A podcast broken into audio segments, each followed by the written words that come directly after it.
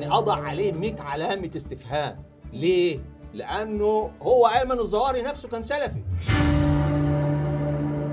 علينا أن نطاردهم في كل مكان حسب ما نرى من مكان وزمان. توكلوا على الله أيها المجاهدون من فلسطين ومن سائر أمة الإسلام. فالصواب في هذه المسألة أن الجهاد طالما أنه فرض عين قد يسقط أحيانا للعجز. لكن لا يسقط الإعداد الحقيقي من استكمال العدد والعدة. هو اللي قال إن في اتفاق تم إن الظواهر أول ما يخرج يطلع على إيران. قال قال لي مين؟ قال لي أنا. في الجزء الثاني من حلقتنا عن منظمة بن لادن وفكرة القاعدة بنستعرض معكم تعريف القاعدة اللي وضع مؤسسوها وأهدافها وسياساتها العامة. وبنفصل في الحديث عن الكواليس اللي أحاطت بإعلان الجبهة الإسلامية العالمية للجهاد اليهودي والصليبيين. وقبله شعار أخرجوا المشركين من جزيرة العرب. ومن الذي اقترحه؟ وأيضا بنسلط الضوء على شخصية ثانية بجانب أبو مصعب السوري المخطط والمدرب العسكري للتنظيمات الجهادية. كانت قد لعبت دور بارز في وضع استراتيجية العولمة الجهادية لأسامة بن لادن في بيشاور عام 1991 أو اللي عرفت بالمقاومة الإسلامية العالمية. واعتبرت هذه الشخصية بنظر عدد من قيادات القاعدة هي الشخصية الرائدة في إطلاق هذه الاستراتيجية. نقصد هنا مصطفى حامد المعروف بأبو الوليد المصري أحد رفاق بن لادن والظواهري واللي يقيم منذ أكثر من عقدين في الجمهورية الإسلامية الإيرانية. وأحب أن أنوه هنا بأني بأستعين ببعض مقاطع من مقابلة سابقة لبن لادن مع قناة الجزيرة. أنا هدى الصالح وهذا برنامج جماعات. هو بفضل الله سبحانه وتعالى أدخلت السرور على المسلمين في العالم الإسلامي والمتابع للصحافة أو للإعلام العالمي. وجد مدى التعاطف في العالم الإسلامي لضرب الأمريكان وإن كان الناس قد أسفوا آه، لمقتل آه، بعض الأبرياء من أهل تلك البلاد. فلذلك هذه الأفعال هي ردود أفعال شعبية بحتة من شباب قدموا رؤوسهم على أكفهم يبتغون رضوان الله سبحانه وتعالى. فأنا أنظر بإجلال كبير واحترام إلى هؤلاء الرجال العظام على أنهم رفعوا الهوان عن جبين أمتنا سواء الذين فجروا في الرياض أو تفجيرات خبر أو تفجيرات شرق أفريقيا وما شابه ذلك. ادعاءات أمريكا كثيرة ولكنها على افتراض صحتها لا تعنينا في شيء. هؤلاء يقاومون الكفر العالمي الذي احتل بلادهم. فما الذي يغضب يغضب أمريكا عندما تعتدي على الناس الناس يقاومونها؟ لكن ادعاءاتها أيضا مع ذلك باطلة. إلا إذا قصدت أن لي صلة بتحريضهم فهذا واضح وأعترف به في كل وقت وحين. أنني كنت أحد الذين وقعوا على الفتوى لتحريض الأمة للجهاد وحرضنا منذ بضع سنين وقد استجاب كثير من الناس بفضل الله كان منهم الإخوة الذين نحسبهم شهداء الأخ عبد العزيز المعسم الذي قتل في الرياض ولا حول ولا قوة إلا بالله والأخ مصلح الشمراني. والأخ رياض الهاجري. آه نرجو الله سبحانه وتعالى أن يتقبلهم جميعا والأخ خالد السعيد. من إحدى وثائق أبو تأبد محل إقامة بن لادن الأخير في باكستان خرجت وثيقة حملت عنوان القاعدة اللوائح الداخلية وجاء ضمن فقرة القاعدة والغاية تعريف وضع المؤسسون جاء على النحو التالي. طائفة من أمة محمد عقيدتها عقيدة أهل السنة والجماعة كما فهمها السلف الصالح. يتبنى الجهاد منهجا في التغيير لتكون كلمة الله هي العليا وتسعى للتحريض عليه والإعداد له ومباشرته عمليا. ومن أهداف القاعدة كما جاء في لائحة أبو تأباد إعداد وتهيئة الكوادر للعالم الإسلامي بالتدريب والمشاركة القتالية عملياً. ودعم ومساندة وتأييد الحركات الجهادية في العالم الإسلامي والتنسيق بين الحركات الجهادية في العالم سعياً لإيجاد حركة جهادية عالمية موحدة. تؤكد اللائحة الداخلية ضمن سياساتها العامة أن موقفها من طواغيت الأرض والأحزاب العلمانية والقومية وما شاكلها هي البراءة منهم والكفر بهم والعداوة المستمرة حتى يؤمنوا بالله ولا التقاء بهم على أنصاف الحلول ولا مجال للحوار معهم والمداهنة لهم. وأن علاقتها مع الجماعات والحركات الإسلامية الجهادية هي التعاون على البر والتقوى مع المحاولات المستمرة للوحدة والاندماج ولا أقل من التنسيق معهم وعدم معاداتهم. أما العلاقة مع الجماعات الإسلامية غير الجهادية فهي المحبة والمودة والنصح رغم تضمين اللائحة الداخلية لتنظيم القاعدة جملة عقيدة أهل السنة والجماعة. إلا أنها لا تتعدى عن كونها عبارة دعائية غير مفعلة حيث تبنت منظمة بن لادن فكرة إسلامية عالمية شمولية تصهر معها كافة التنظيمات والجماعات الإسلامية والجهادية من مختلف المذاهب والقوميات كما توضح اللائحة الداخلية. وكما أكد أبو الخير المصري واسمه عبد الله رجب عبد الرحمن عضو شورى القاعدة في إحدى وثائق أبو تأباد اللي جاءت في معرض ردة على بعض ما جاء في كتاب أبو الوليد المصري صليب في سماء قندهار قائلاً وأنت تعرف جيداً أن القاعدة هي التنظيم الجهادي العالمي الوحيد الذي أخذ على عاتقه مهمة دعم الحركات الجهادية في مختلف أنحاء العالم وبغض النظر عن مذهبها الفقهي. أيضا مصطفى حامد أبو الوليد المصري عاد أخيرا ليؤكد ذات المسألة في كتاب له بعنوان أخطر بيان للحركة الجهادية العالمية وقال فيه التزم بن لادن في بيانه ويقصد هنا بيان أخرجوا المشركين من جزيرة العرب بمخاطبة الأمة الإسلامية كوحدة واحدة على عكس ما هو شائع حاليا من خطاب طائفي استئصالي. فاصطلاح أهل السنة والجماعة لم يستخدم بن لادن في بيانه هذا ولا مرة واحدة فقد استخدم اصطلاح الأمة أو أنه خاطب إخوان المسلمين في العالم كافة. فلم يكن طائفيا ناهيك أن يكون استئصاليا. ما كان أبو الوليد المصري مجرد صحفي أو مؤرخ لتنظيم القاعدة بل كان أيضا مدرب عسكري.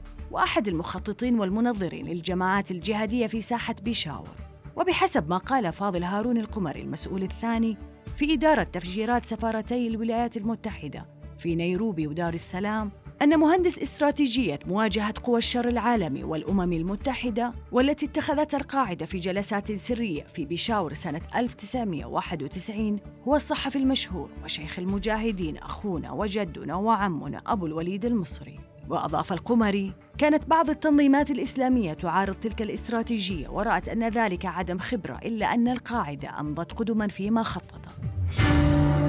وكانت الجماعات المعارضة تريد أن تستمر في سياساتها حول الجبهات الداخلية في الدول الإسلامية وتريد أن يكون لها النصيب الأكبر من دعم الشيخ أسامة. وفي الحقيقة فإن الشيخ أبو الوليد المصري له الفضل الكبير في إقناع قيادة القاعدة لمواجهة الولايات المتحدة الأمريكية. طبعا مصطفى حامد هو صهر سيف العدل مسؤول اللجنة العسكرية لتنظيم القاعدة وكذلك تربط مصاهرة بمحمد شوقي الإسلامبولي شقيق منفذ عملية اغتيال السادات. واللي رجع معه على نفس الطائرة إلى مصر قادمين من إيران في أغسطس 2011 خلال تولي جماعة الإخوان الحكم في مصر قبل أن يعود أبو الوليد للإقامة من جديد في إيران بعد عزل محمد مرسي. نحن صلتنا بالعالم الإسلامي أجمع سواء في اليمن أو في باكستان أو في أي مكان. نحن جزء من أمة واحدة. وبفضل الله الذين اقتنعوا وتحفزوا للجهاد في كل يوم يزداد عددهم وأعدادهم مبشرة. فلنا في اليمن وفي غير اليمن وفي اليمن تربطنا علاقات قوية وقديمة بفضل الله سبحانه وتعالى. فضلا عن أن آه، جذورنا وجذور الله ترجع إلى اليمن. آه، بفضل الله علاقتنا بالجماعة الإسلامية في العالم الإسلامي في الجملة علاقات جيدة وحسنة ونحن نتعاون معهم على البر والتقوى لنصرة هذا الدين. كل في المجال الذي فتح الله سبحانه وتعالى به عليه.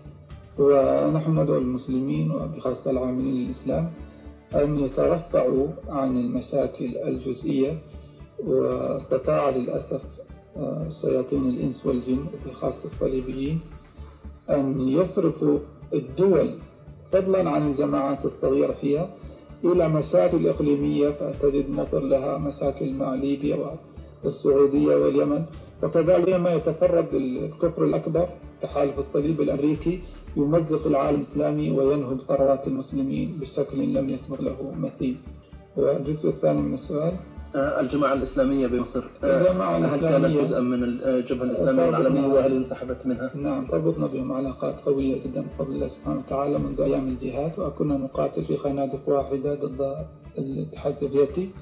وكان لهم موقف مشرف ومؤيد في التوقيع على الفتوى التي تهدر دم الأمريكان واليهود.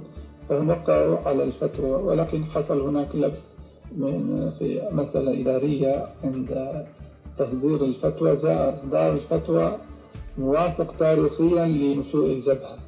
فحصل لبس عند الناس أن الجماعة الإسلامية هي جزء من الجبهة الإسلامية. لذلك هي اضطرت أن توضح موقفها. هي وقعت على الفتوى لكن هي ليست جزء في الجبهة الإسلامية العالمية.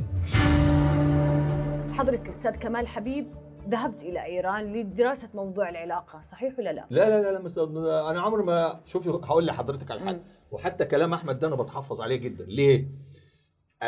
تنظيم الجهاد المصري في 79 في في يعني في تكويناته الأولى قبل 81 طبعا أنا كنت واحد قيادي وفاعل فيه. هذا تنظيم سلفي محض متربي في محضن انصار السنة. وفكر آه، محمد حامد الفقي وكل تنظيم مغلق. يعني إيه تنظيم يعني تنظيم سلفي مغلق. يؤمن بالنص آه، ويعتبر حتى الإخوان المسلمين كان بيعتبرهم وأحمد عارف كده إن عبد. آه، محمد عبد الرحيم الشرقاوي وأنت قابلتيه كان كاتب مذكره ضمن تثقيف أعضاء تنظيم اسمها ماسونية الفرق. كان بيعتبر حسن البنا ماسوني بصرف النظر عن الاتفاق أو الاختلاف معاه. طيب. فأنا أقصد أن أقول إيه؟ افهميني بس. تفضل موضوع إحنا بنعمل زي نقاد علم الحديث عشان ما يبقاش كل واحد بيقول اللي هو عايزه. بمعنى إيه؟ بمعنى أنا ككمال حبيب أهو حبيب أهو لو جيت شهدت أنا لوحدي شهادة في في في مخالفة لما عليه جمهور الناس هذه الشهادة عايزة تحقق مش من واحد بس لا من واحد واثنين علشان نثبت إن هذه الشهادة صحيحة قبل بثها طب. أنا بقول إيه بقى؟ فكرة إن أيمن الظواهري راح ايران قبل ما يروح أفغانستان والكلام ده كلام يعني أضع عليه 100 علامة استفهام. ليه؟ لأنه هو أيمن الظواهري نفسه كان سلفي. يعني سلفي بمعنى إيه؟ بمعنى إن بن المجموعه لادن سلفي.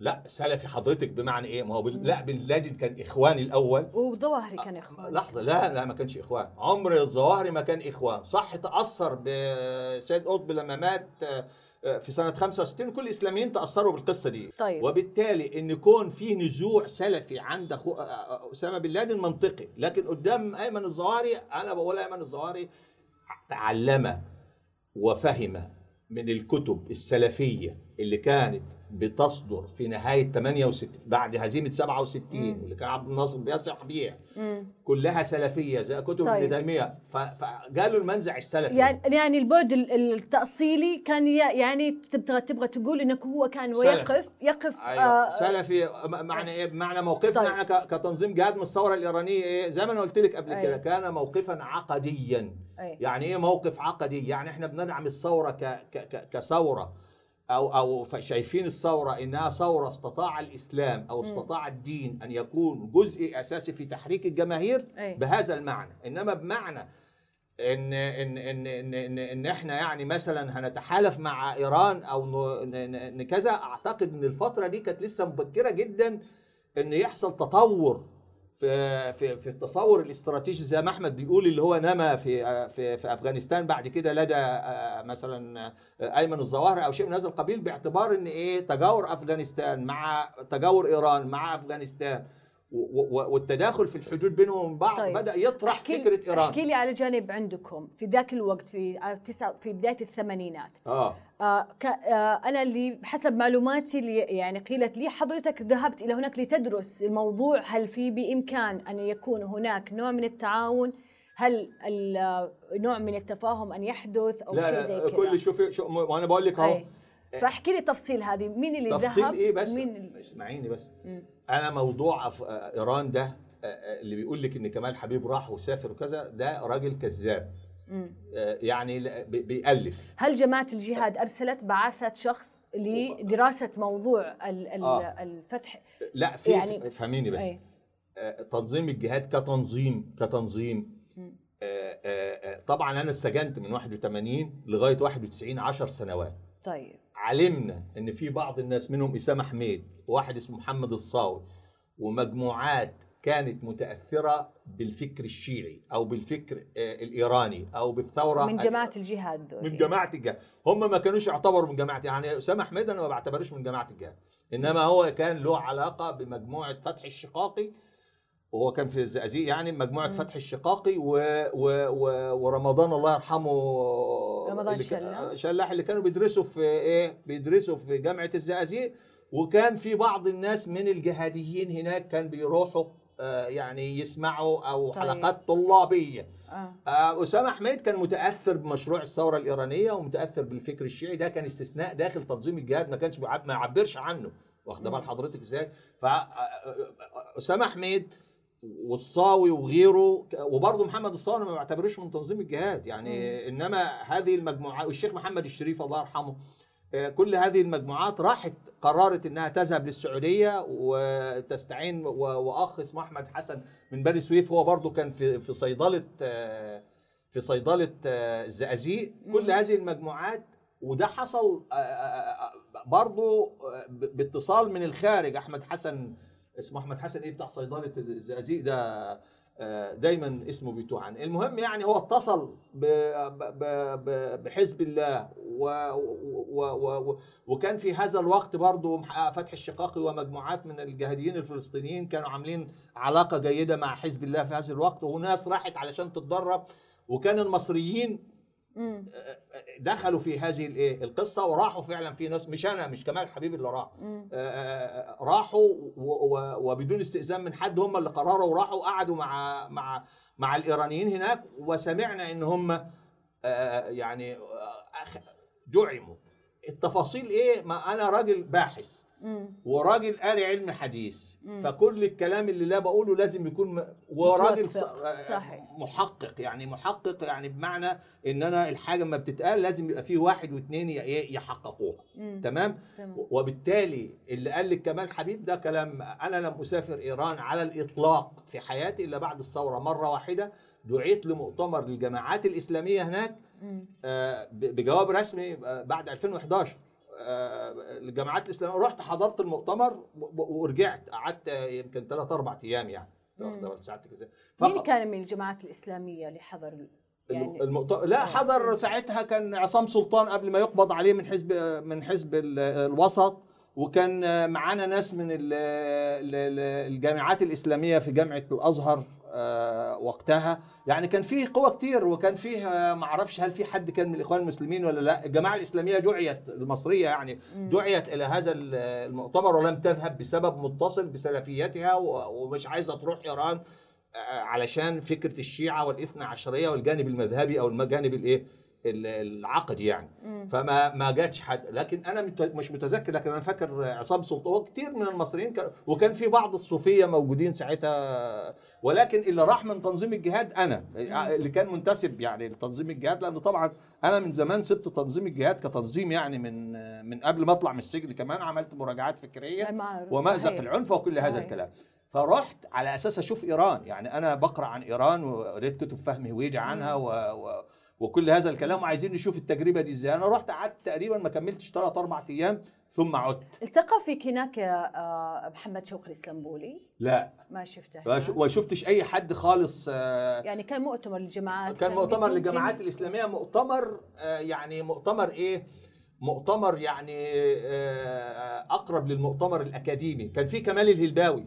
مما أذكره يعني اللي هو مقيم في لندن أنا كان من الإخوان المسلمين. هو كانت علاقته قوية أصلا. شديد شديد. آه معه. علاقته قوية من أيام ما كان في باكستان بالإيرانيين وكل هذا الكلام. فلكن آه، إحنا رو أنا رحت ورجعت كواحد يعني إيه يعني لا لا لا لا, لا قعدت مع حد من البتاع ولا تفاوضت ولا أي شيء من هذا القبيل.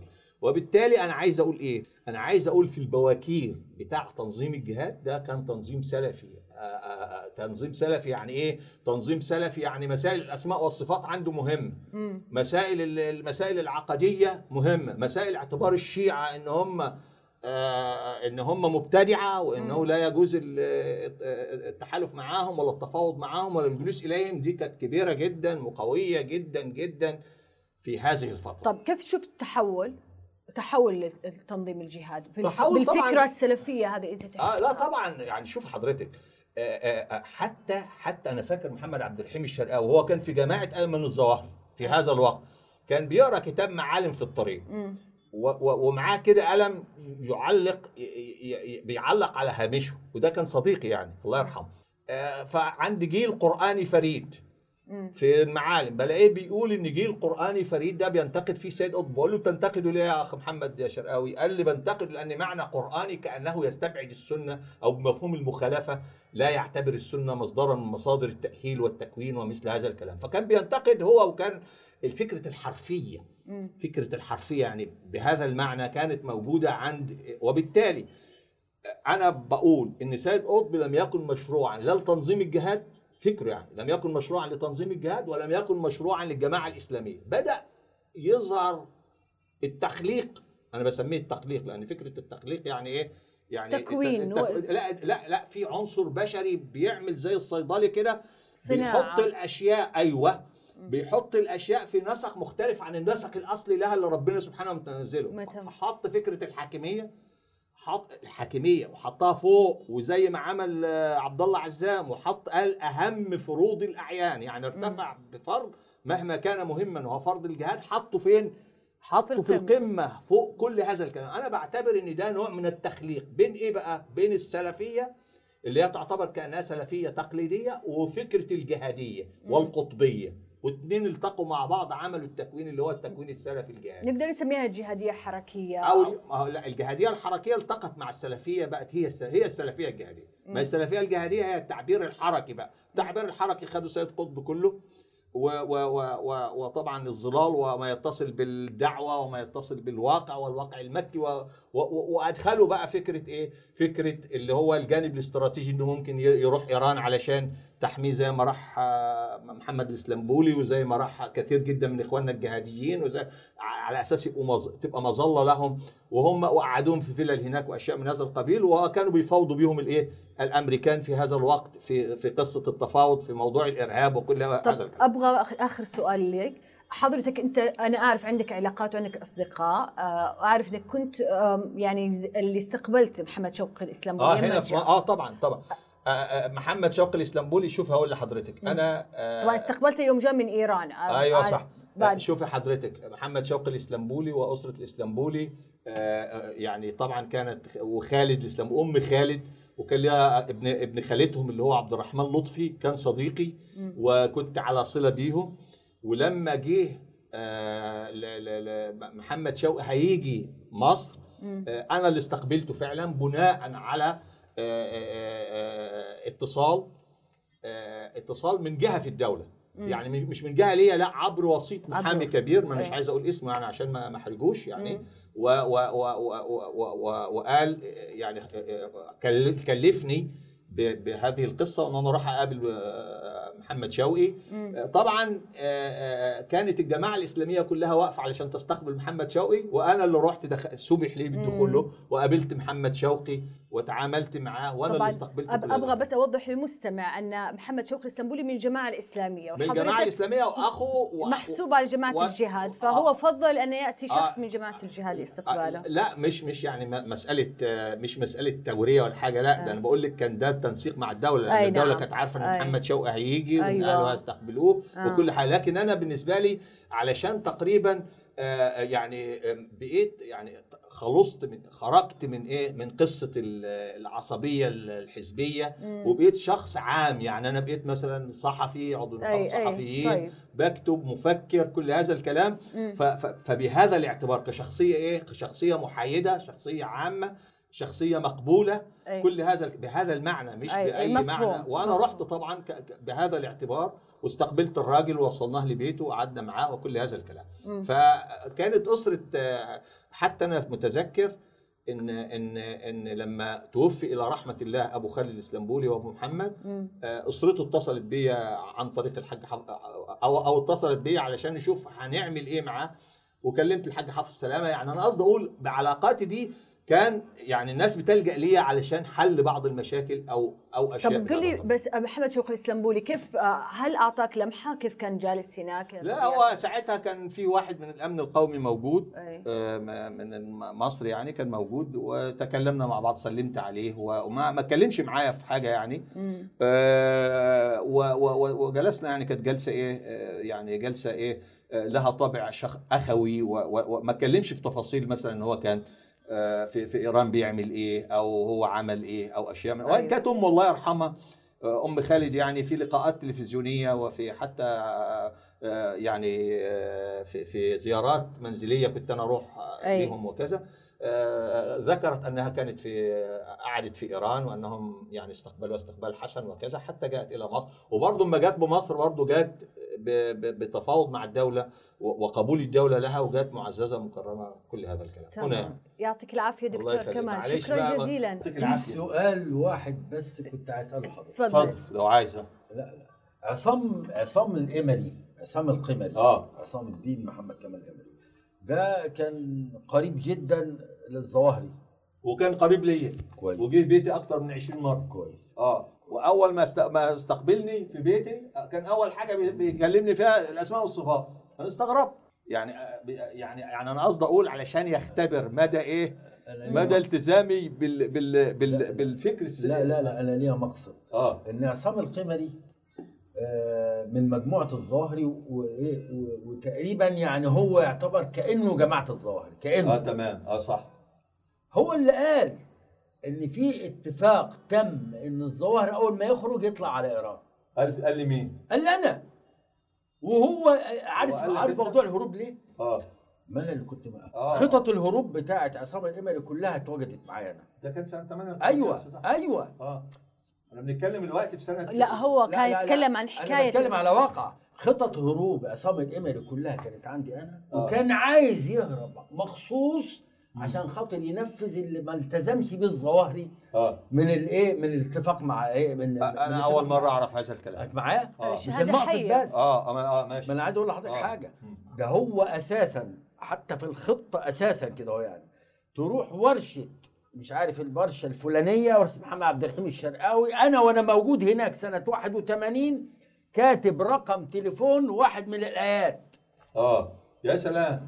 آه بالظبط، طيب، بالحرف. الواحد. كيف كيف إيش الرقم واحد من الآيات؟ يعني هو رقم. تليفون كتبه سنة 81 أي وهو يعني أنا سايبه سنة 87 بيقول لي تروح الورشة دي بس الورشة دي حصلت فيها معركة آه ماشي ماشي أي ويا- تروح آه. الورشة دي كان هو قاعد فيها.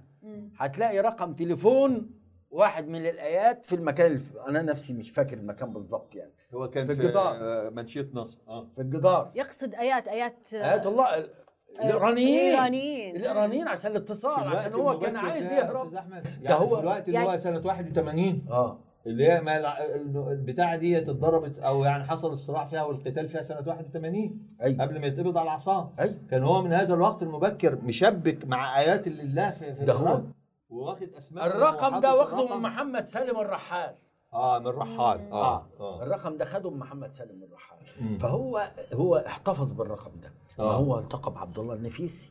عبد الله النفيسي لما جه وقعد يلف ويشوف يا اخوانا مين اللي حن عايزين نجمع الجهاد عايزين نجمع الجهاد. عبد الله النفيسي سنة لما جه؟ سنة 81 آه أنا التقيت بيه آه. التقيت بعبد الله النفيسي شهر 3 سنة 1981 تمام كنت أنا ومحمد سالم الرحال وعصام مطير آه معايا على أساس إنه كان عايز عصام يجمع. الفلسطيني عصام آه، فلسطيني مطير. آه اللي تبع الجهاد الإسلامي آه. فلسطين آه ودلوقتي بقى جهاد في الإسلام في فلسطين أنا ما عنديش فكرة هو لا هو كان كان واحد. من ال لا هو ما, ما اعتقدش انه له علاقه بالجهاد الفلسطيني انما هو ان هو كان كان واحد من من مجموعات الجهاد آه آه الجهاد يعني كان سلفي آه. بس قريب لكل التيارات بس هو أنا اعرف قريب من ايران هو. عصام لا لا لا لا لا لا لا لا لا عصام مستحيل قريب من كل الاتجاهات مم. خصوصا الاتجاهات الجهادية وده موضوع تاني خالص طيب كمل لنا بعدين. على موضوع عبد الله النفيسي المعلومه عايز ولا- آه آه عايز أرجع. دي معلومات. جديدة أنا آه. شخصيا فأنا قصدي أقول إيه مم. إن آه، عصام آه. عصام الامري خطته في الهروب كانت مبنية على أساس إن بعد ما يطلع يسافر على إيران ويستخدم الشباب للتدريب. أفغانستان كانت موجودة أكمل آه. يستخدم الشباب للتدريب مم. على أساس إن إيه في الحرب الإيرانية عشان بيقول قلب الحرف الواحد الحرب الإيرانية العراقية حرب تشابه الواقع ت- تشابه ال- ال- الرقعة المصرية. آه. معايا؟ مدن. آه. فمعايا فأنا عايز عايز طب طب يا إخوان واللي هيرجع حي. يبقى يشارك في الانقلاب. كانت فكرته قال لك شيء على هو كان سوى اتصال معين مع أحد من داخل إيران من شخصيات معينة آه كان لهالموضوع قال ح- حاجة؟ لا هو ب- هو قال لي بس إن الرقم ده لا- لازم يعني- أحصل يعني عشان أتصل عشان أنا أتصل بيه أتصل بالرقم بتاع الآيات ده رقم واحد من الآيات. آه هو كان آه. بيقول لك أنت تجيبه له يعني ولا إيه؟ لا عشان أنا أتصل عشان خاطر هو في طلبات محددة هيروح يسافر هو آه المفروض بعد الهروب يسافر آه ها؟ آه. فلما فشل يعني لما ما ما- لما على على على أي حال أنا شخصيا آه، آه. ده موضوع آه بس تاني. اسمعني بس يا أخ أنا هقول كلمتين قبل ما أمشي آه، آه، كل الكلام ده اللي إحنا بنقوله ده وطبعا دي شهادة أحمد وهو مسؤول أيوة. عنها لكن أنا آه، آه، أنا شخصيا يعني حتى إذا صح هذا الكلام يعني في تقديري إنما كان آه، آه، آه، اوهام أو خيالات إحنا ما نبرر له إحنا آه. نبغى نحط وقائع آه ما هو الواقع ما أنا ما أنا بقول إحنا ما نبغى نحلل آه، ما هو تمش. ما أنا هو بقول لك تمش. شوف عصام الامري أنا كنت معاه في السجن سنه أنت ما كنتش معايا كنت خرجت مش كده؟ سنة 8 ولا كنت لسه موجود؟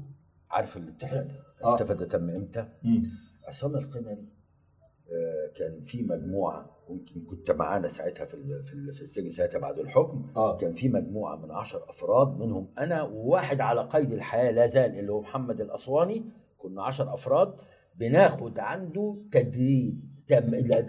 تثقيف عسكري في غرفة في زنزانة مغلقة. رئيس ما أنا عارف آه في زنزانة مغلقة. وكنت أنا أقرب واحد ليه ساعتها لأن أنا كنت بكتب كل حرف بيقوله بكتبه. آه. وبعدين أراجعه عشان خاطر إيه؟ يرتب ال- ال- ال- ال- المذكرة. آه. فلما هو هو اقترب مني أكتر واقتربت منه أكتر من خلال المجموعة. خلاص يبقى شهادة. وزكاني ليه محمد الأسواني آه. فإيه؟ لما جينا نزلنا في التأديب أصبحت أنا هنا وعصام الامري هنا. آه. في غرفتين من خلال.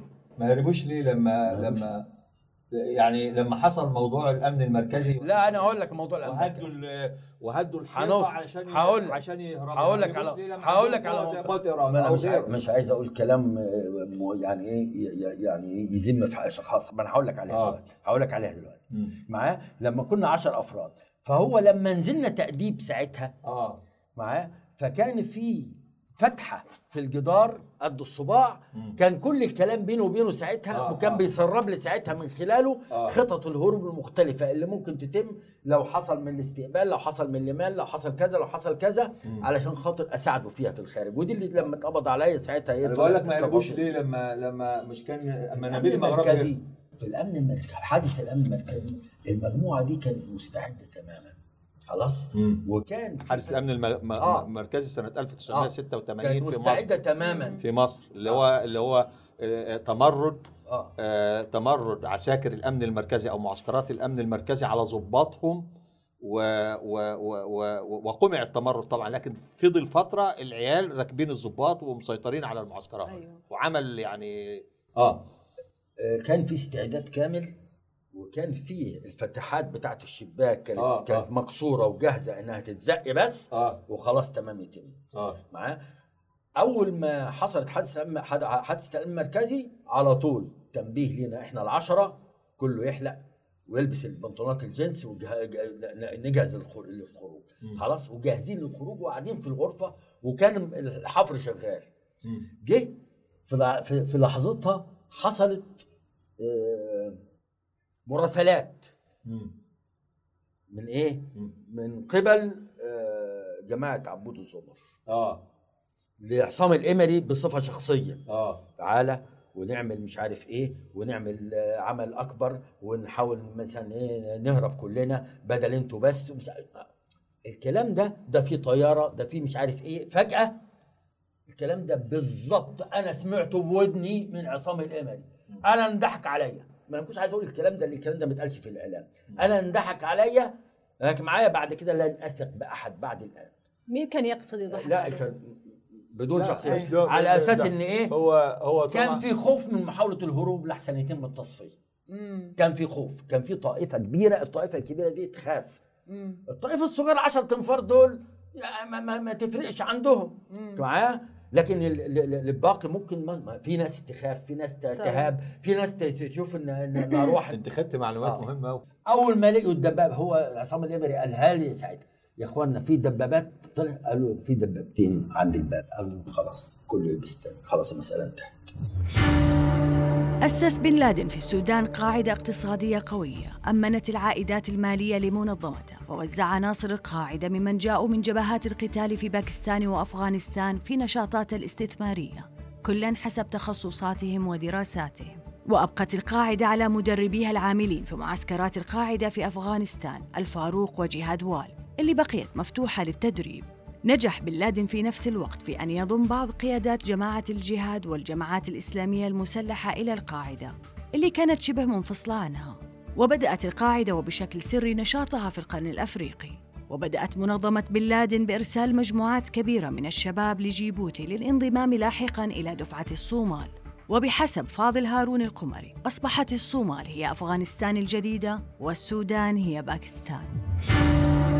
استثمر بن لادن عائدات المالية وفرصة إقامته مع باقي الجماعات الإسلامية المسلحة في العاصمة السودانية الخرطوم من العام 1991 وحتى 1996 بإرسال مقاتليه في جبهات مختلفة منها اليمن والجزائر وطاجيكستان والبوسنة والهرسك والشيشان وكشمير. ونفذت مع هذه التنظيمات عددا من العمليات في تحالف سري دون الإعلان عنه. من بينها كانت محاولة اغتيال الرئيس المصري حسني مبارك في أديس أبابا 1995 وبحسب ما قال أبو خبيب السوداني إبراهيم القوصي الرجل الثاني حاليا في تنظيم القاعدة كان هناك تعاون وثيق في التخطيط والتمويل والتجهيز بين القاعدة والجماعة الإسلامية فيما يخص محاولة اغتيال الرئيس المصري حسني مبارك في يونيو 1995 انتهت مرحلة بن لادن في السودان بعد خمس سنوات قضاها هناك وعاد من جديد إلى أفغانستان ومع باقي الجماعات المسلحة. لكن بعد ثلاث أشهر خرج في أغسطس 1996 بيان أخرج المشركين من جزيرة العرب ويقول عنه أبو خبيب السوداني بمجرد وصول بن لادن إلى تورابورا حتى بدأ العمل على صياغة بيان الحرب الأول وهو إعلان الجهاد على الأمريكيين المحتلين لبلاد الحرمين ويضيف أبو خبيب كان أسامة بن لادن قد طلب من الأخوة المتواجدين في الجبل أن يقترح كل منهم عنوان مناسب ووفق لذلك أبو عبيدة الموريتاني وحظي بموافقة أسامة بن لادن فكان البيان بعنوان أخرج المشركين من جزيرة العرب. وبحسب ما قال أبو الوليد المصري اللي شارك في جلسات تورابورا أن الحوار حول مجرد فكرة إصدار بيان يدعو المسلمين إلى الجهاد من أجل تحرير جزيرة العرب من المشركين استغرق ثلاث أشهر. وأضاف كانت الجلسات تعقد في جبال تورابورا بهوائها المنعش وتحت أشجار الصنوبر. واستغرقت صياغة البيان أكثر من نصف تلك المدة نتيجة حرص بن لادن على كل حرف في البيان ومراجعة الاستشهادات الشرعية والأدبية. كان صبورا غاية الصبر حتى يأس من حوله أو كادوا من أن يصدر بيانا ما. بعد كتابة البيان أرسل بن لادن أحد عناصره لنشره من باكستان حسب خطة توزيع اتفق عليها. ولكن في نفس اليوم جاء الخبر من كابول باستيلاء طالبان على العاصمة. ويقول أبو الوليد هذا التغيير الكبير في الوضع السياسي للبلاد يستدعي إعادة النظر في موضوع خطير كذلك الذي يحتوي عليه البيان. بإعلان الجهاد على الولايات المتحدة الأمريكية ومن حولها من حلفاء لإخراجها من جزيرة العرب. لكن بعد صدور البيان جاءت اعتراضات الجماعات الإسلامية المقيمة في لندن والدول الأوروبية. وكان من بين أبرز هذه الاعتراضات ما نقل أبو الوليد الاعتراض أولاً على تحييد قتال رجال الأمن والجيش السعودي وحظر بن لادن استهداف المنشآت النفطية. وبالتالي وبحسب المعترضين وكان أبو الوليد المصري من بينهم لم يعد هناك أهداف حساسة يمكن الوصول إليها سوى أفراد متناثرين قد يظهرون على صورة مدنيين في المدن وهو هدف غير كافي لتشكيل ضغط حقيقي. والكلام هنا لأبو الوليد المصري. بعد خروج البيان كتب أبو الوليد المصري المقيم حاليا في طهران اقتراحات تنظيمية على بيان أخرج المشركين من جزيرة العرب. وقدم لبن لادن مذكرة بعنوان النصائح الوردية في المسألة الاستراتيجية وقال أهم المقترحات التنظيمية التي تلت إصدار البيان كان مصدرها عرب أفغانستان وليس عرب لندن أصحاب الفتاوى النارية. كان عرب أفغانستان القريبون من بن لادن على قدر من الدراية بطبيعة بن لادن في القيادة وطبيعة علاقته بتنظيم القاعدة. مما جاء في نصائح مصطفى حامد الوردية ضرورة حل تنظيم القاعدة أو تنازل بن لادن عنه لصالح أحد كبار معاونيه. فمن الخطورة كما يقول أبو الوليد أن يصبح مشروعا بهذه الضخامة مشروعا لتنظيم محدود العدد والقدرات. فإخراج المشركين من جزيرة العرب هو مشروع الأمة الإسلامية جميعا. فإذا جاءت دعوة من تنظيم معين فسوف تقف باقي التنظيمات على الحياد وبعضها سيكون معرقلا ويعتبرونها محاولة من بن لادن والقاعدة لاحتواء تنظيماتهم وسحب الأفراد منها. نعتقد أن الجهاد فرض عين اليوم على الأمة ولكن ينبغي التفريق بين الحكم وبين القدرة على القيام به. ففي أي بلد توفرت المقومات اللازمة من العدد والعدة فما يلزم لأركان الجهاد أن تقوم فعند ذلك يجب على المسلمين في ذلك المكان أن يشرعوا بالجهاد ضد الكفر الأكبر المستبين. ولكن في بعض البلدان قد يكون ظهر لبعض الناس أن المقومات قد اكتملت وبعد فترة من الزمن أخذوا خبرة وتجربة وظهر لهم أن المقومات لم تكتمل فعندئذ هم مأمورون في مثل هذه الحالة بالعفو والسفح. لكن هنا شاهد ما الذي يحدد هذه المقومات؟ فالصواب في هذه المسألة أن الجهاد رغم أنه فرض عين قد يسقط أحيانا للعجز لكن لا يسقط الإعداد الحقيقي من استكمال العدد والعدة. هو أبو مصعب السوري كان ينقصه نوع من التدريب ف جهز لي كل حاجة وقعدت معاهم في المضافه حوالي أسبوعين وخلصت الموضوع. أسبوعين يعني. آه تقريبا يعني. بس طبعا ما فيش داعي لنوع التدريب ده لأن إيه أنا مش آه، عايز أروح. النهارده آه طيب أستاذ بالنسبة لموضوع ال لكن أبو مصعب السوري إيه اللي خلاه يقرب مني؟ مم. يعني إيه اللي خلاه يختار انه يقترب ويثق فيا وتعالى ونعمل ويحكي لي؟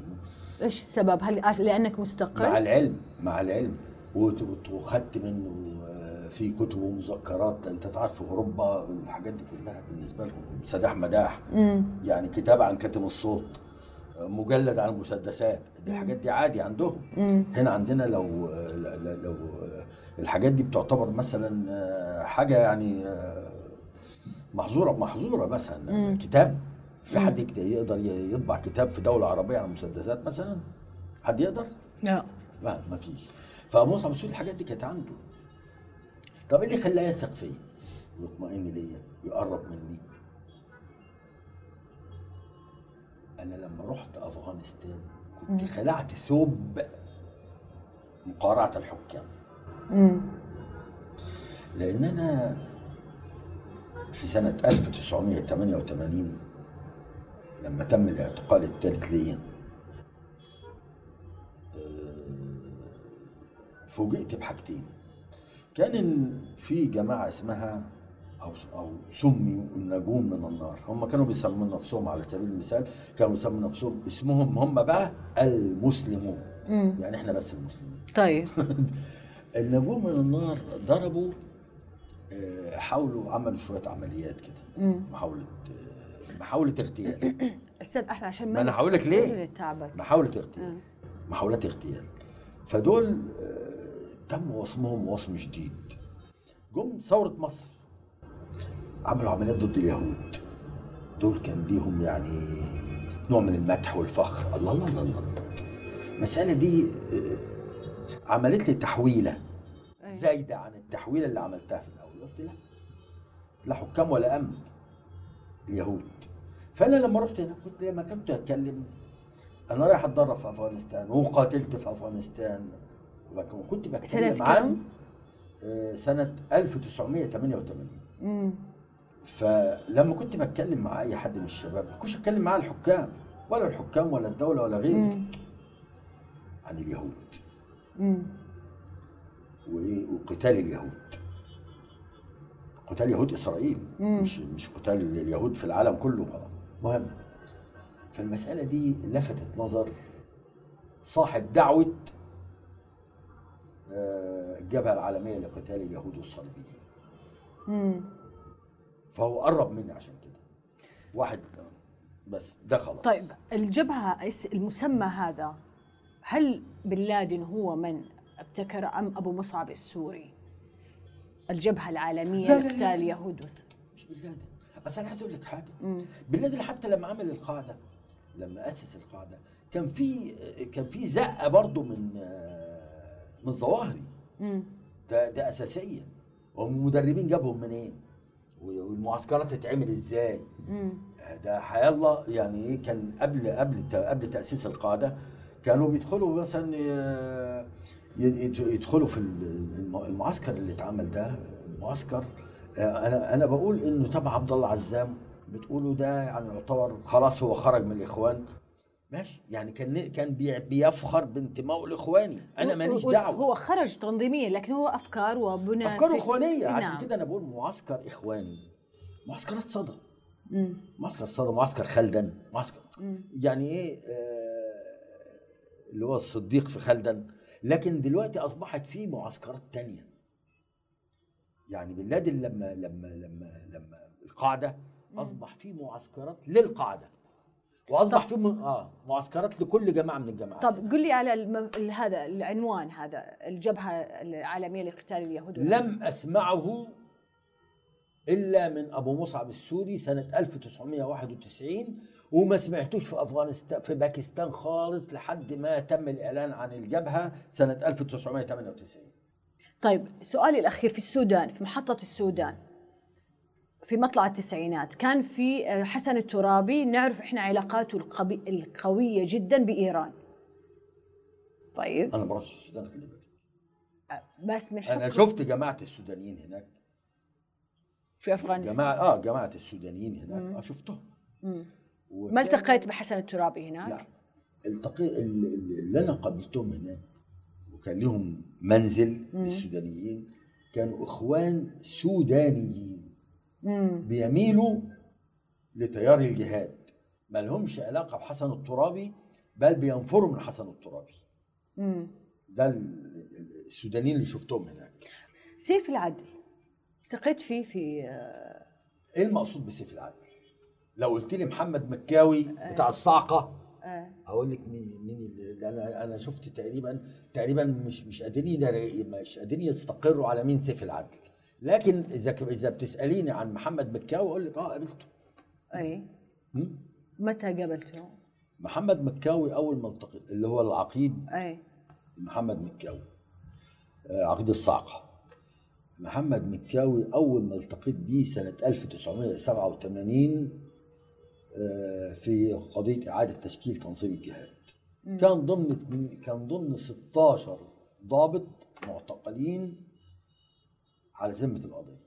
أو يعني اتاخدوا في القضية دي برضه. التقيت فيه 16. بأفغانستان؟ آه. بعد كده التقيت بيه في أفغانستان سواء في منطقة بشاور أو منطقة إسلام آباد. بعد ما انتقل للاقامه فيها بعد ما بعد ما تزوج. خلي بالك اسمه دوت اسمه بالنسبة لمحمد بكاوي كان كان رافض الانضمام للقاعدة تماما. كان عنده استعداد إنه إيه كان بس ما قدرش ما لحقش. لأن يعني زي ما بتقول إيه اتحارب حرب حرب لا اخلاقيه مم. تحارب حرب لا اخلاقيه اسمها اللي هو الإشاعات والتشهير وبتاع زي كده عشان فطفشوه من بشاور مم. لكن هو قال أنا ما أقدرش أشتغل مع مقاول الأنفار مقاول. مقاول آه. إيش؟ مقاول أنفار مقاول مقاول طوب وزلط على أساس انه على أسامة لادن يعني. آه على أساس شركات المقاولات أي- أي-. أي. فهو جاب من الآخر قال لا قال أنا ضابط في القوات المسلحة آه، أشتغل آه، تحت قيادة قال لأن قالوا له تعالى بس, بس هو من وقت مبكر كان المسؤول الأمني في المعسكر. معسكر صدى. أبو خبيب كاتب هذا الكلام من أول ما تأسس المعسكر. أنا بقول لحضرتك اللي قاله محمد مكاوي ليا آه. بالحرف الواحد. اللي قال إيش بالضبط؟ قال أنا عرضوا علي أشتغل في القاعدة. ممكن يعني زي ما بتقول إيه اسمها من باب التعاون مش شرط. طب ما أنا دخلت اتدربت في معسكر صدى. هل أنا إخوان؟ اتدربت في معسكر الصديق أبو بكر الصديق مش الصديق أبو بكر الصديق في جاجي وتبع الإخوان أنا كنت إخوان؟ لا. أيوه. وممكن وممكن اتدربت. إخوان؟ طب هو إيش. قال لك؟ لا يا رفض الانضمام للقاعدة. يقول لي قال لهم الجملة اللي قالها. قال لهم آه، يعني هشتغل تحت قيادة مقاول طوب وزلط. مقا... مقاول مقاول طوب وزلط على أساس آه، على طوب أساس. شركات المقاولات أي، يعني أي. آه. هو مش قصده مش قصده التهكم ولا السخرية. إنما إزاي أنا أشتغل تحت لكن اليوم نشوف إنه هو يعني طوال سنوات هو مسك الإدارة في التنظيم جاء بشكل أمني يعني تحت من ظواهري سنة كام؟ أنا ما عندي صراحة فكره في أصلا آخر عهدي بيه سنة 1993 آخر يمكن 23 ما قابلتوش. 1992 طب إيه. آخر عهدي بمحمد مكاوي في إسلام آباد 1992 ما كانش معاهم. لما والعلم بالظواهري كان بيعتبره عدو من اعداء هو كان بيعتبر الظواهري عدو من أعدائه عشان خاطر التشهير اللي تم يعني. فايش شهروا فيه يعني؟ يعني حاولوا يلصقوا له تهم لا أخلاقية. آه. إنما هو ظواهري يعني نفسه. إنما هو هو اللي كان يعني له دور في هذه تشويه صورة سيف العادل مش لازم بشخصه. مش بشخصه. التابعين للظواهر آه، يعني. ما أقدرش إن أنا أتهم شخص بعينه يعني. آه، مبشر في الاتجاه الصحيح لإخراج الأمريكان من بلاد المسلمين. نحن نظرا لكثير من الظروف التي تحيط بنا وعدم القدرة على الحركة خارج أفغانستان لمزاولة الأعمال من قرب. ما تيسر لنا لكن بفضل الله كنا شكلنا مع عدد كبير من إخواننا الجبهة الإسلامية العالمية لجهاد اليهود والصليبيين.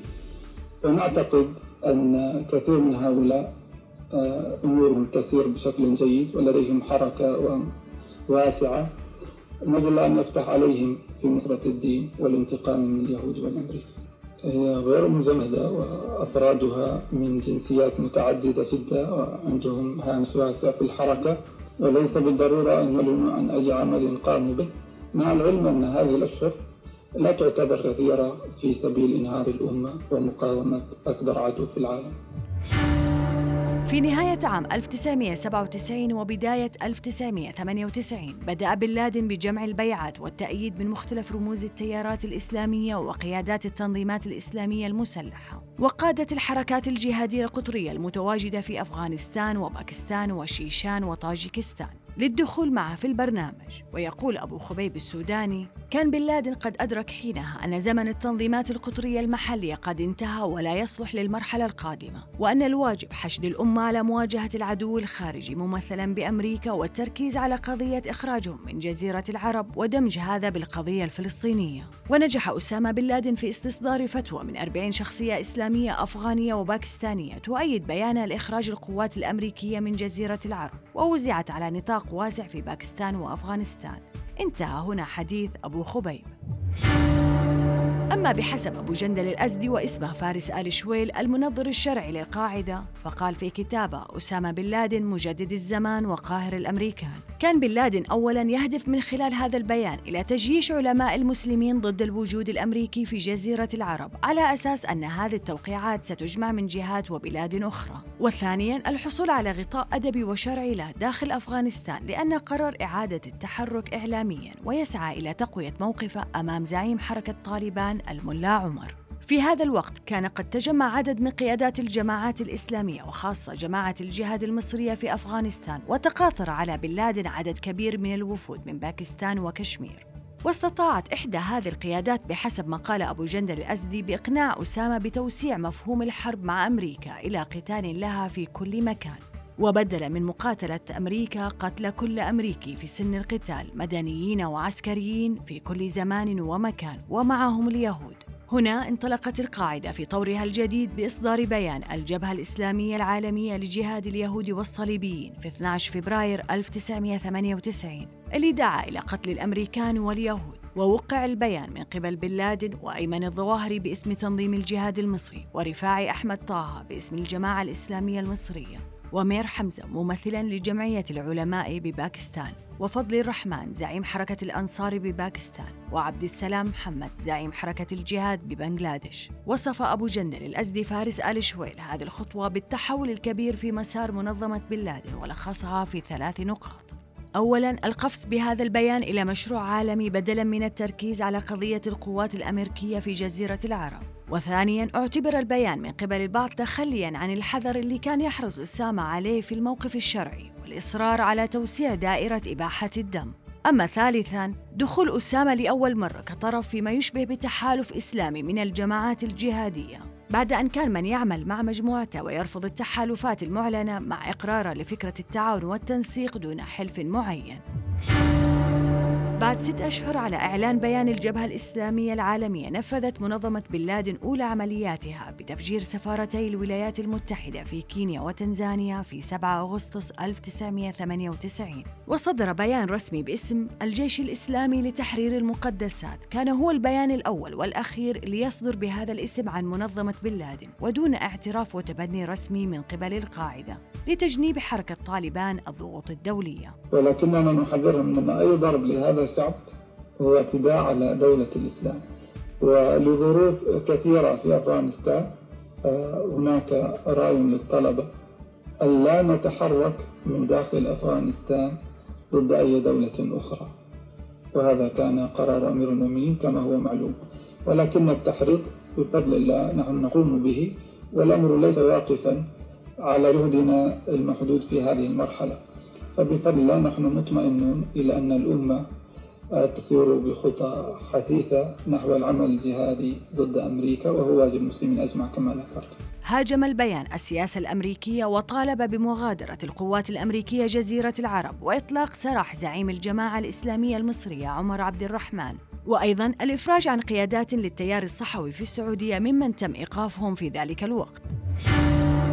الطور الأخير لمنظمة بن لادن بدأ في مطلع العام 2000 بعد الإعلان رسميا عن دمج تنظيم القاعدة بتنظيم الجهاد المصري وزعيمه أيمن الظواهري وصار ما يعرف بتنظيم القاعدة والجهاد. لينفذ التنظيم أولى عملياته في أكتوبر 2000 باستهداف المدمرة الأمريكية USS Cole في ميناء عدن باليمن. في أبريل 2001 بايع مؤسس القاعدة أسامة بن لادن الملا عمر زعيم حركة طالبان في اجتماع علماء ديوبند في بيشاور وأقر الطريقة الديوبندية واعتبرها الإسلام الصحيح. وأكد أن بيعة الإمارة الإسلامية واجبة. نفذ بعدها تنظيم القاعدة والجهاد تفجيرات 11 سبتمبر واختفى معها اسم الجبهة الإسلامية العالمية وصدر أول بيان باسم القاعدة والجهاد في أبريل 2002 بعد إعلان المبادرة العربية للسلام مع إسرائيل. فنحن ننصح المسلمين في داخل أفغانستان وفي خارج أفغانستان أن ينصروا هذه الطلبة. وننصح المسلمين في الخارج أن كثيرا من الجهد الذي يكون بعيدا عن وجود دولة للإسلام لا يأتي بالثمرة الكبيرة المرجوة فهذا نبينا محمد صلى الله عليه وسلم مكث ثلاثة عشر سنة ومع ذلك قام الخير. فنحن ندعو المسلمين أن ينصروا هذه الدولة بكل ما أوتوا من قوة بإمكانياتهم وبأفكارهم وبزكواتهم وأموالهم. فهي بإذن الله اليوم تمثل راية الإسلام. وإن أي اعتداء من أمريكا اليوم على أفغانستان هو ليس على أفغانستان لذاتها وإنما على أفغانستان رافع راية الإسلام في العالم الإسلامي الإسلام الصحيح المجاهد في سبيل الله طيب سؤالي موضوع البيعات اللي كانوا يجوا في معسكر تابع لمعسكر صدى تذكر لي حاجة منها؟ ما إحنا قلنا إن هو طلب هو طلب ال- ال- البيعه ان كلكم تنخلعوا من بيعات جماعتكم آه متى هذا الكلام؟ دي- متى؟ سنة 90 90 89 كمان ما ما هو ما هو 89 الدعوة كانت عبارة عن إيه؟ اللي هو الدعوة الثانية لتأسيس القاعدة مم. الدعوة الأولى ما فشلت فشلت اللي قبل 88 الدعوة الثانية لتأسيس القاعدة مم. على أساس إن إحنا هننشئ صرح مم. هنوفر لكم التدريب الكامل مم. وتنخلعوا من بيعاتكم من بيعات جم... في الأول. خالص هنوفر لكم التدريب الكامل وتكونوا موجودين في بلادكم مستنيين الإيه؟ أي تعليمات محدش يتحرك من دماغه. ده كان الكلام العام. لما جه للتطبيق طلب من الأفراد ان يخلعوا من جماعاتهم مم. المسألة دي رفضها كافة الجماعات الموجودة في الساحة. فبدلها بطريقة تانية. معايا؟ الناس اللي توافق على البيعة على بيعته تنخلع من بيعة الجماعات الجماعة اللي. اللي, اللي, اللي سواء مصري ولا غيره والإيه ويساعد جماعة بكيانها ببيعتها. بشكلها زي المقاتلة أو أو الإنقاذ أو ال- أو الظواهري يساعدهم ويدعمهم ماليا ومالوش دعوة بقى بالإيه بالتفصيل مش هيدي لهم تعليمات يتحملوا مسؤوليتهم أيوه أيوه مفهوم. طب آخر حاجة اللي حكيتها عن عبد الله نفيسي. آه. مع المجموعة. عبد الله النفيسي مع مع بداية سنة 81 اللي دخل عبد الله النفيسي مصر. واحد اسمه صالح الورداني. مم. صالح الورداني كان مقيم في الكويت. وكان ليه في النهايات كده ميل ما كنتش ما كناش لامسينه لسه للشيعة. مم. إنما في 87 كان عامل جناح كامل لعرض كتب الشيعة. ف ساعتها اللي أنا سمعته بالحرف الواحد محمد سالم الرحال. مم. كنت أنا صديق لمحمد سالم الرحال وعصام مطير. فقابلنا وقال لنا ليا صديق. ما قالناش صالح الورداني. ليا صديق. مين اللي قال لك سالم الرحال؟ محمد سالم الرحال أيوة. بيقول لي أنا وعصام أيوة. مطير أيوه أنا ليا صديق مم. في ناس مجموعة آه، كويتية على استعداد إنها تدعم ماليا مم. آه، عمل جهادي داخل مصر مم. طب ماشي نشوف فجاء عبد الله النفيس عبد الله النفيس ساعتها قعد معانا كان هو محمد حبيب مناور المسيلم. أنا عرفت اسمه بالكامل من خلال قرار الاتهام لأنه نزل في قرار الاتهام معانا محمد آه. حبيب بس. أيوه. وواحد اسمه جاسم. محمد حبيب إيش؟ محمد حبيب مناور أيوه. هم ليهم الفرعونية. مم. آه، في الكويت في, في الكويت هناك يعني. عائلة كبيرة يعني. فطرح أنا ما كنتش أعرف إنه التقى بناس كتير. مم. علمت فيما بعد إنه التقى بناس كتير منهم السماوي. والتقى والتقوا بعصام عصام الامري نفسه مم. أنا طبعا ما يعرفش المعلومة دي اللي هو الأخ اللي كان المهم ف ليه عبد طرح إزاي عبد الله النفيسي؟ نفيسي آه، التقى بعصام القمري؟ مين اللي قلت التقى بعصام القمري؟ مجموعة عبد الله النفيسي واحد منهم عبد آه. الله أو أو أو منور أو جاسم بس المتحدث المتحدث هو عبد الله. يبقى لازم يكون عبد الله اللي قابل لأن من عبد محمد حبيب آه، بسيط. بسيط. وجاسم ما شفتوش يتكلم خالص فأكيد يكون عبد الله معايا. وأنا عرفت الطلب اللي جاسم طلبه مين؟ ما عرفتش بقية اسمه أي. عرفت إنه اسمه جاسم بس هو لما عرفونا بأسمائهم آه، محمد عبد الله جاسم أيوه بس أي حتى مين عبد الله عرفت بعد كده من عصام مطير إنه راح قابله بره. إنه هو عبد الله النفيسي. المهم فعبد الله كان بيطرح أطروحات. مم. بيطرح أطروحات. أنا سمعتها منه في الجلسة عشان مين عن مين. آه، بصينا في كل البلاد. إيه الدولة اللي ممكن تقام فيها دولة إسلامية؟ لقينا في ثلاث بلاد. مم. مصر سوريا تركيا. وبأرشح مصر. طب خلصنا. نظرت في كل التيارات آه، اللي في الساحة اللي ممكن يعتمد عليها في إنها تقوم آه، بعمل قوي لإقامة الدولة فلقينا ما فيش غير تيار الجهاد. جماعات الجهاد بشرط إنها تتوحد. اتوحدوا أو حاولوا تتوحدوا عشان خاطر ندعمكم ده اللي قاله. هذه سنة كم؟ شهر مارس سنة 1981 كان ساعتها وبعدين بعد كده إيه اللي رجع محمد حبيب محمد حبيب بس اللي رجع. محمد حبيب آه، كان لهم نظرة تانية خالص مم. كان بيقولوا إيه ولع يعني هو تقريبا كان كلامهم أقرب للثورة مش الانقلاب. بقول لك لازم ما ما في مش تقاتل الشرطة تقاتل الجيش في كلام من ده؟ ده لازم يبقى في إعلان كامل ودعوة كاملة ودعوة شاملة بحيث إن أفراد الجيش كلهم أو أغلبهم لما يتميزوا يتميزوا عن إيه؟ عن صح عن إيه؟ عن صح ويقولوا إيه؟ يعرفوا إنهم بيحاربوا دعوة الإسلام. ونظرتهم كده فعايزين حاجة أشبه بالثورة ال- ال- الثورة الإيرانية. مهدي هاشمي كان ماسك مؤسسة تصدير الثورة في إيران. الراجل ده كان ليه نظرية تانية خالص مخالفة ليهم عشان كده أعدموه بعد كده. أعدموه داخل إيران. أساعد السنة والشيعة بدون أي انتماءات وبدون أي شروط. وده اللي قبله محمد أحمد الصاوي.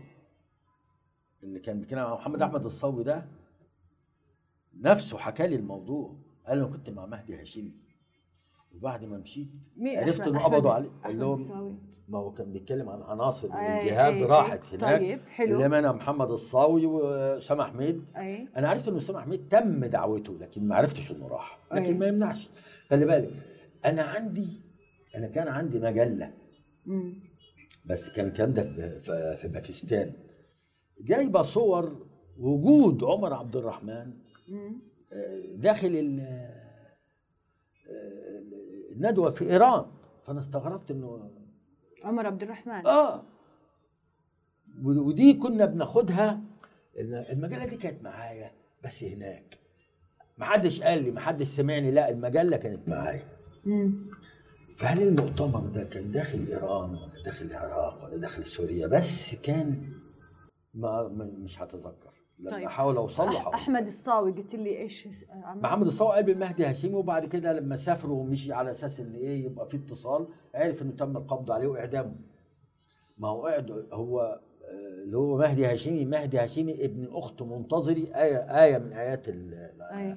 يعني كان هو اللي تواصله مع ال لا هو بصورة فردية بصورة فردية مش تواصل لحساب الجهاد أو لحساب أي جماعة من الجماعات بصورة فردية فمقتنع آه، كان قريب من أسامة حميد لأن هم في. بين الشرقية ده من من الشرقية وده من الشرقية.